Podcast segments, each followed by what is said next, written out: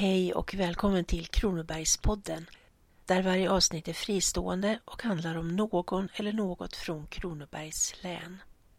Det här avsnittet ska handla om en gåtfull sjö som både har jäckat geologer och blivit föremål för många sägner inom folktron. Den heter Mien och ligger allra längst ner i södra Småland i Midingsbygden på gränsen till Blekinge. Den återfinns till fyra femtedelar i Urshults sydligaste del och en femtedel ligger i Tingsås socken i Tingsryds kommun. Mien är cirkelrund och cirka fem kilometer i diameter. Enligt folktron var sjön bottenlös, men det största djupet man har uppnått är drygt 40 meter och medeldjupet är 13 till 14 meter. De djupaste områdena ligger i sjöns norra och östra delar med brant stupande botten. Under fina sommardagar är vattnet kristallklart 8 till 10 meter ner, om än ganska kallt. I nordvästra delen av sjön finns en stor sandstrand, Laxa sand, skapad av inlandsisen för flera tiotusentals år sedan, då den malde sönder berg till väldiga mängder sand. Här är det fint att bada.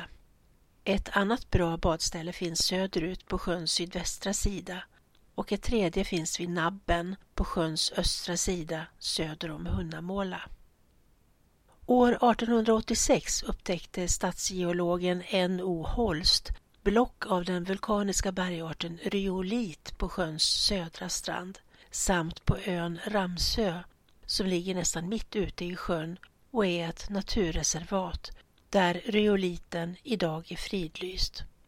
Ryoliten, som tillhör gruppen porfyrer och räknas som en av de yngsta geologiska bildningarna, finns annars närmast i Tjeckien, norra Ungern och Rumänien. Denna bergart innehåller både små korn och spridda hål efter blåsor. Man har funnit stenåldersfynd i trakterna kring Mien, särskilt i Grönteboda, av stenyxor gjorda av ryolit. Sådana yxor ser också ut att ha exporterats och en har till exempel anträffats i närheten av Kronobergs slottsruin i Växjö. Ryoliten var från första början flytande och därmed vulkanisk. Så teorier har framförts om att antingen skulle sjön Mien vara en vattenfylld tidigare vulkan, en kratersjö kallad, eller så är den ett djupt hål efter en meteorit som en gång i tiden för uppskattningsvis 120 miljoner år sedan under den geologiska tertiärperioden Krita slog ner just här. Idag lutar man mest åt den senare teorin att Mien är en följd av ett meteoritnedslag och att den nedstörtade meteoriten med sin glödande gasmassa smälte berget under sig innan jättekratern långt senare fylldes med vatten för cirka 50 miljoner år sedan. När meteoriten slog ner var sprängkraften oerhörd. Den motsvarade ungefär 1000 atombomber och utraderade allt liv inom ett stort område samtidigt som tryckvågen och den enorma hettan gjorde att nya bergarter bildades genom så kallade nedslagssmältor.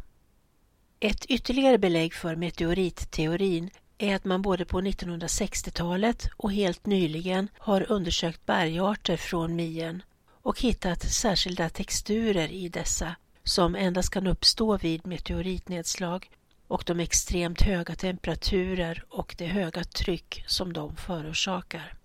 Bara trycket motsvarar det som finns 100 mil under jordens yta. En annan ovanlig geologisk egenhet här vid sjön är lavasten som också kallas bräckia och som bildades för miljoner år sedan när urberget spruckit och krossade sig självt och sedan bakades ihop med annan sten till något som ser ut som betong. I Sverige känner man till åtta nedslagsplatser där man har kunnat bekräfta att en meteorit har slagit ner. Alla har inte blivit sjöar, men en känd förekomst är Siljansringen i Dalarna, där bland annat sjön Siljan ingår. Ursprungskratern här var ungefär sex gånger så stor som vid Mien och gör Siljansringen till Europas allra största. Detta meteoritnedslag ägde också rum mycket tidigare under den geologiska tidsperioden Devon för cirka 370 miljoner år sedan. Mycket på jorden var helt annorlunda när meteoriten slog ner och gjorde plats för det som så småningom skulle bli Mien. Det var mycket varmare, det fanns ingen is på Nord eller Sydpolen, det fanns mer vatten i haven än nu och dinosaurier som till exempel Tyrannosaurus rex, Iguanodon och Spinosaurus bredde ut sig över stora landområden i både Europa, Nordamerika och Nordafrika. Det var under denna tid som de första moderna fåglarna utvecklades genom sitt släktskap med den bevingade dinosaurien Archaeopteryx. Det skulle dröja ytterligare cirka 118 miljoner år innan den tidigaste människoarten dök upp.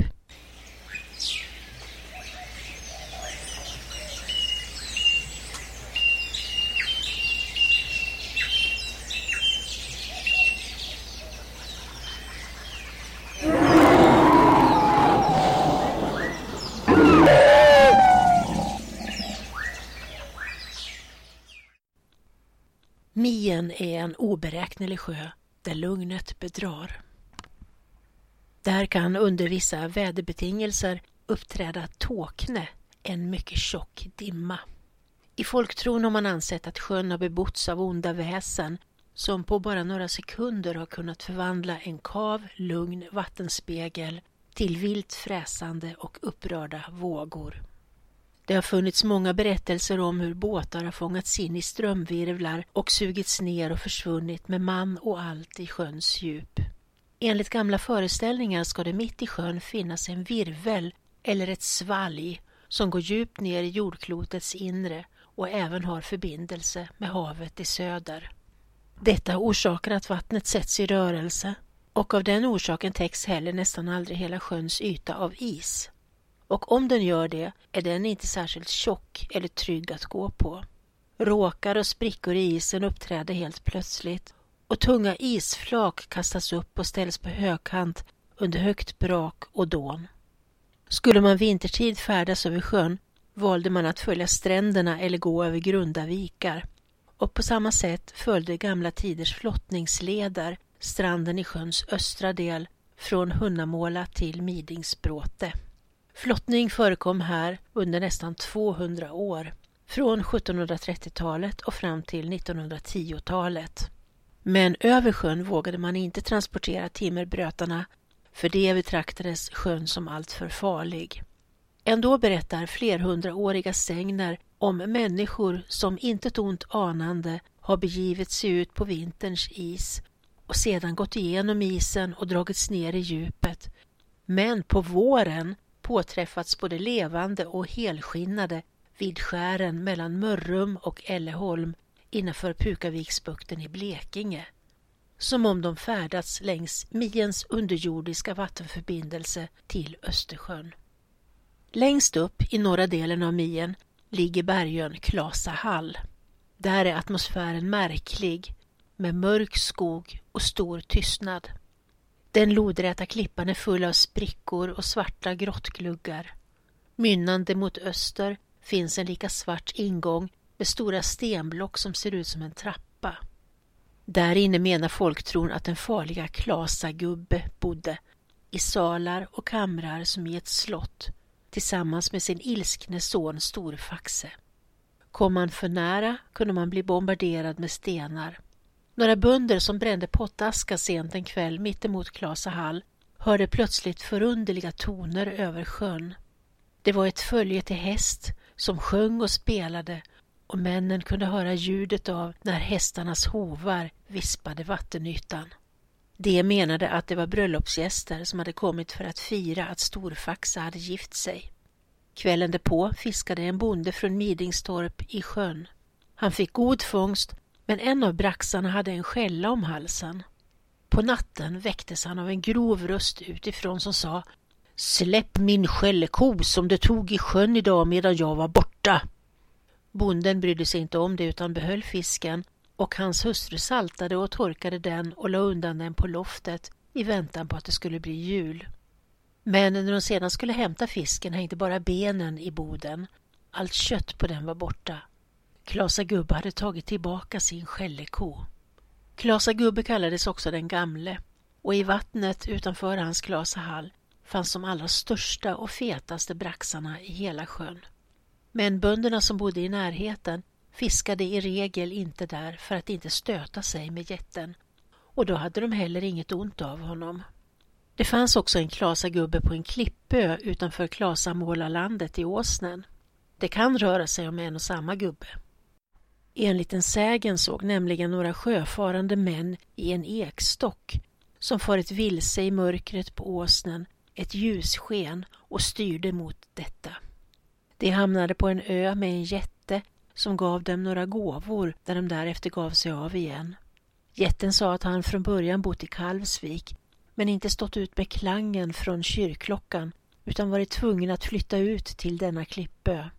När sedan en ny kyrka byggdes i närheten av ön kan jätten kanske ha tvingats söka sig vidare söderut och då hamnat på Klasahall i sjön Mien. Ibland ville dock Klasa gubbe ha annat sällskap än sin ilskne son och då försökte han locka till sig en människa. Det gjorde han genom att låta ljudet av ett kvidande, skrikande barn ljuda från Klasahalls högsta topp. Ibland visade sig också barnet självt där uppe. För människorna gällde det då att hålla för öronen och inte låta sig påverkas att åka dit. På samma sätt som Odysseus och hans män band dukar om sina huvuden för att de inte skulle höra de farliga sirenernas sång. En gång var det en flicka från Midingsbråte som våldtogs av Klasa gubbe och därefter födde en son. Men när pojken var tolv år och var ute och vallade getter försvann både han och djuren och man återfann dem aldrig. Man menade att Klasa gubbe hade hämtat hem sin son. En som klarade sig undan med livet i behåll var bonden Per Olsson i Gedeviksås som därefter vittnade om sin upplevelse under ed. Han hade besökt en annan bonde i Midingstorp och var visserligen lite rund under fötterna då han rodde hem men han svor på att det han hade varit med om var sant. Det var nämligen så att när han rodde mellan Klasahall och stranden så gick det inte längre att styra båten utan den drev fram mot en stor virvel mellan några stora stenar. Virveln såg ut som ett stort svalg och öppnade sig som i en avgrund. Nu hade bonden på sig en fin vadmalsrock med röda rockuppslag och alldeles nya tändknappar. Den tog han av sig och kastade ner i virveln samtidigt som han ropade Tag den rocken och släpp mig! I samma ögonblick kastades båten som av sig självt flera famnar bort från virveln och bonden kunde ro i säkerhet och så småningom komma hem. Utan rock men med livet i behåll.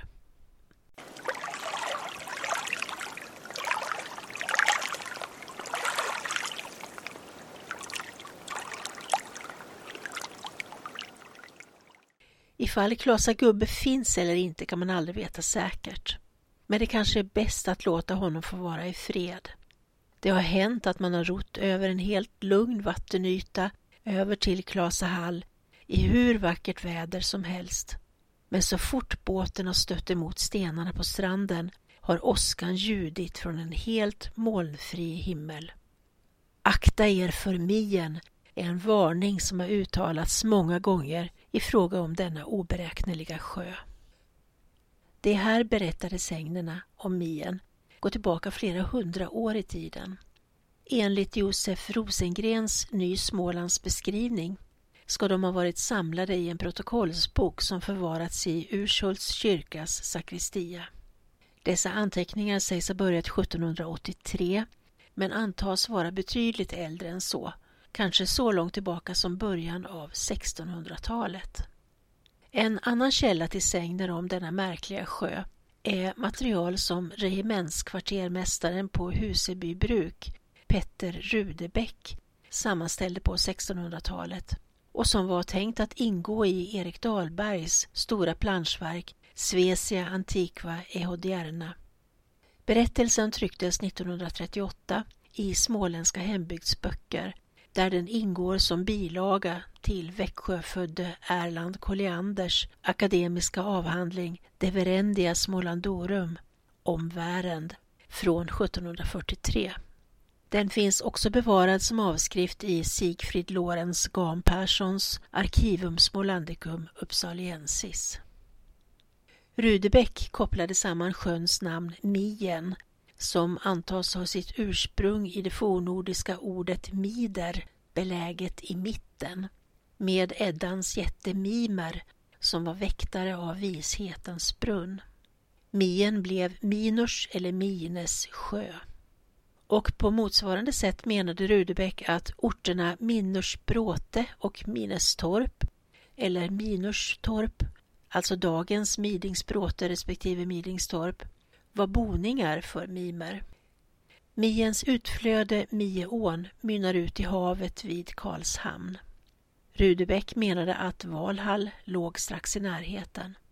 Allt detta stämmer väl överens med hans göticistiska historiesyn som förfäktade åsikten att goterna och grekerna hade sitt urhem i Sverige. Och är du intresserad av hur högt skattade vetenskapsmän på 1600-talet utifrån ortsnamn var beredda att förändra hela historieskrivningen och bland annat ansåg att hunner och trojaner hade utkämpat krig här i Småland. Då ska du lyssna på avsnittet om myter och mysterier i Kronobergspodden som berättar mer om Petter Rudbeck och hans berömda farbror Olof Rudbeck den äldre i Uppsala. Tack för att du har lyssnat. Jag som har berättat heter Ella Styv och arbetar på Växjö stadsbibliotek. Där, i både våra tillgängliga bokhyllor och inne i arkivens gömmor finns alla källor till Kronobergspoddens berättelser. På återhörande. Hej!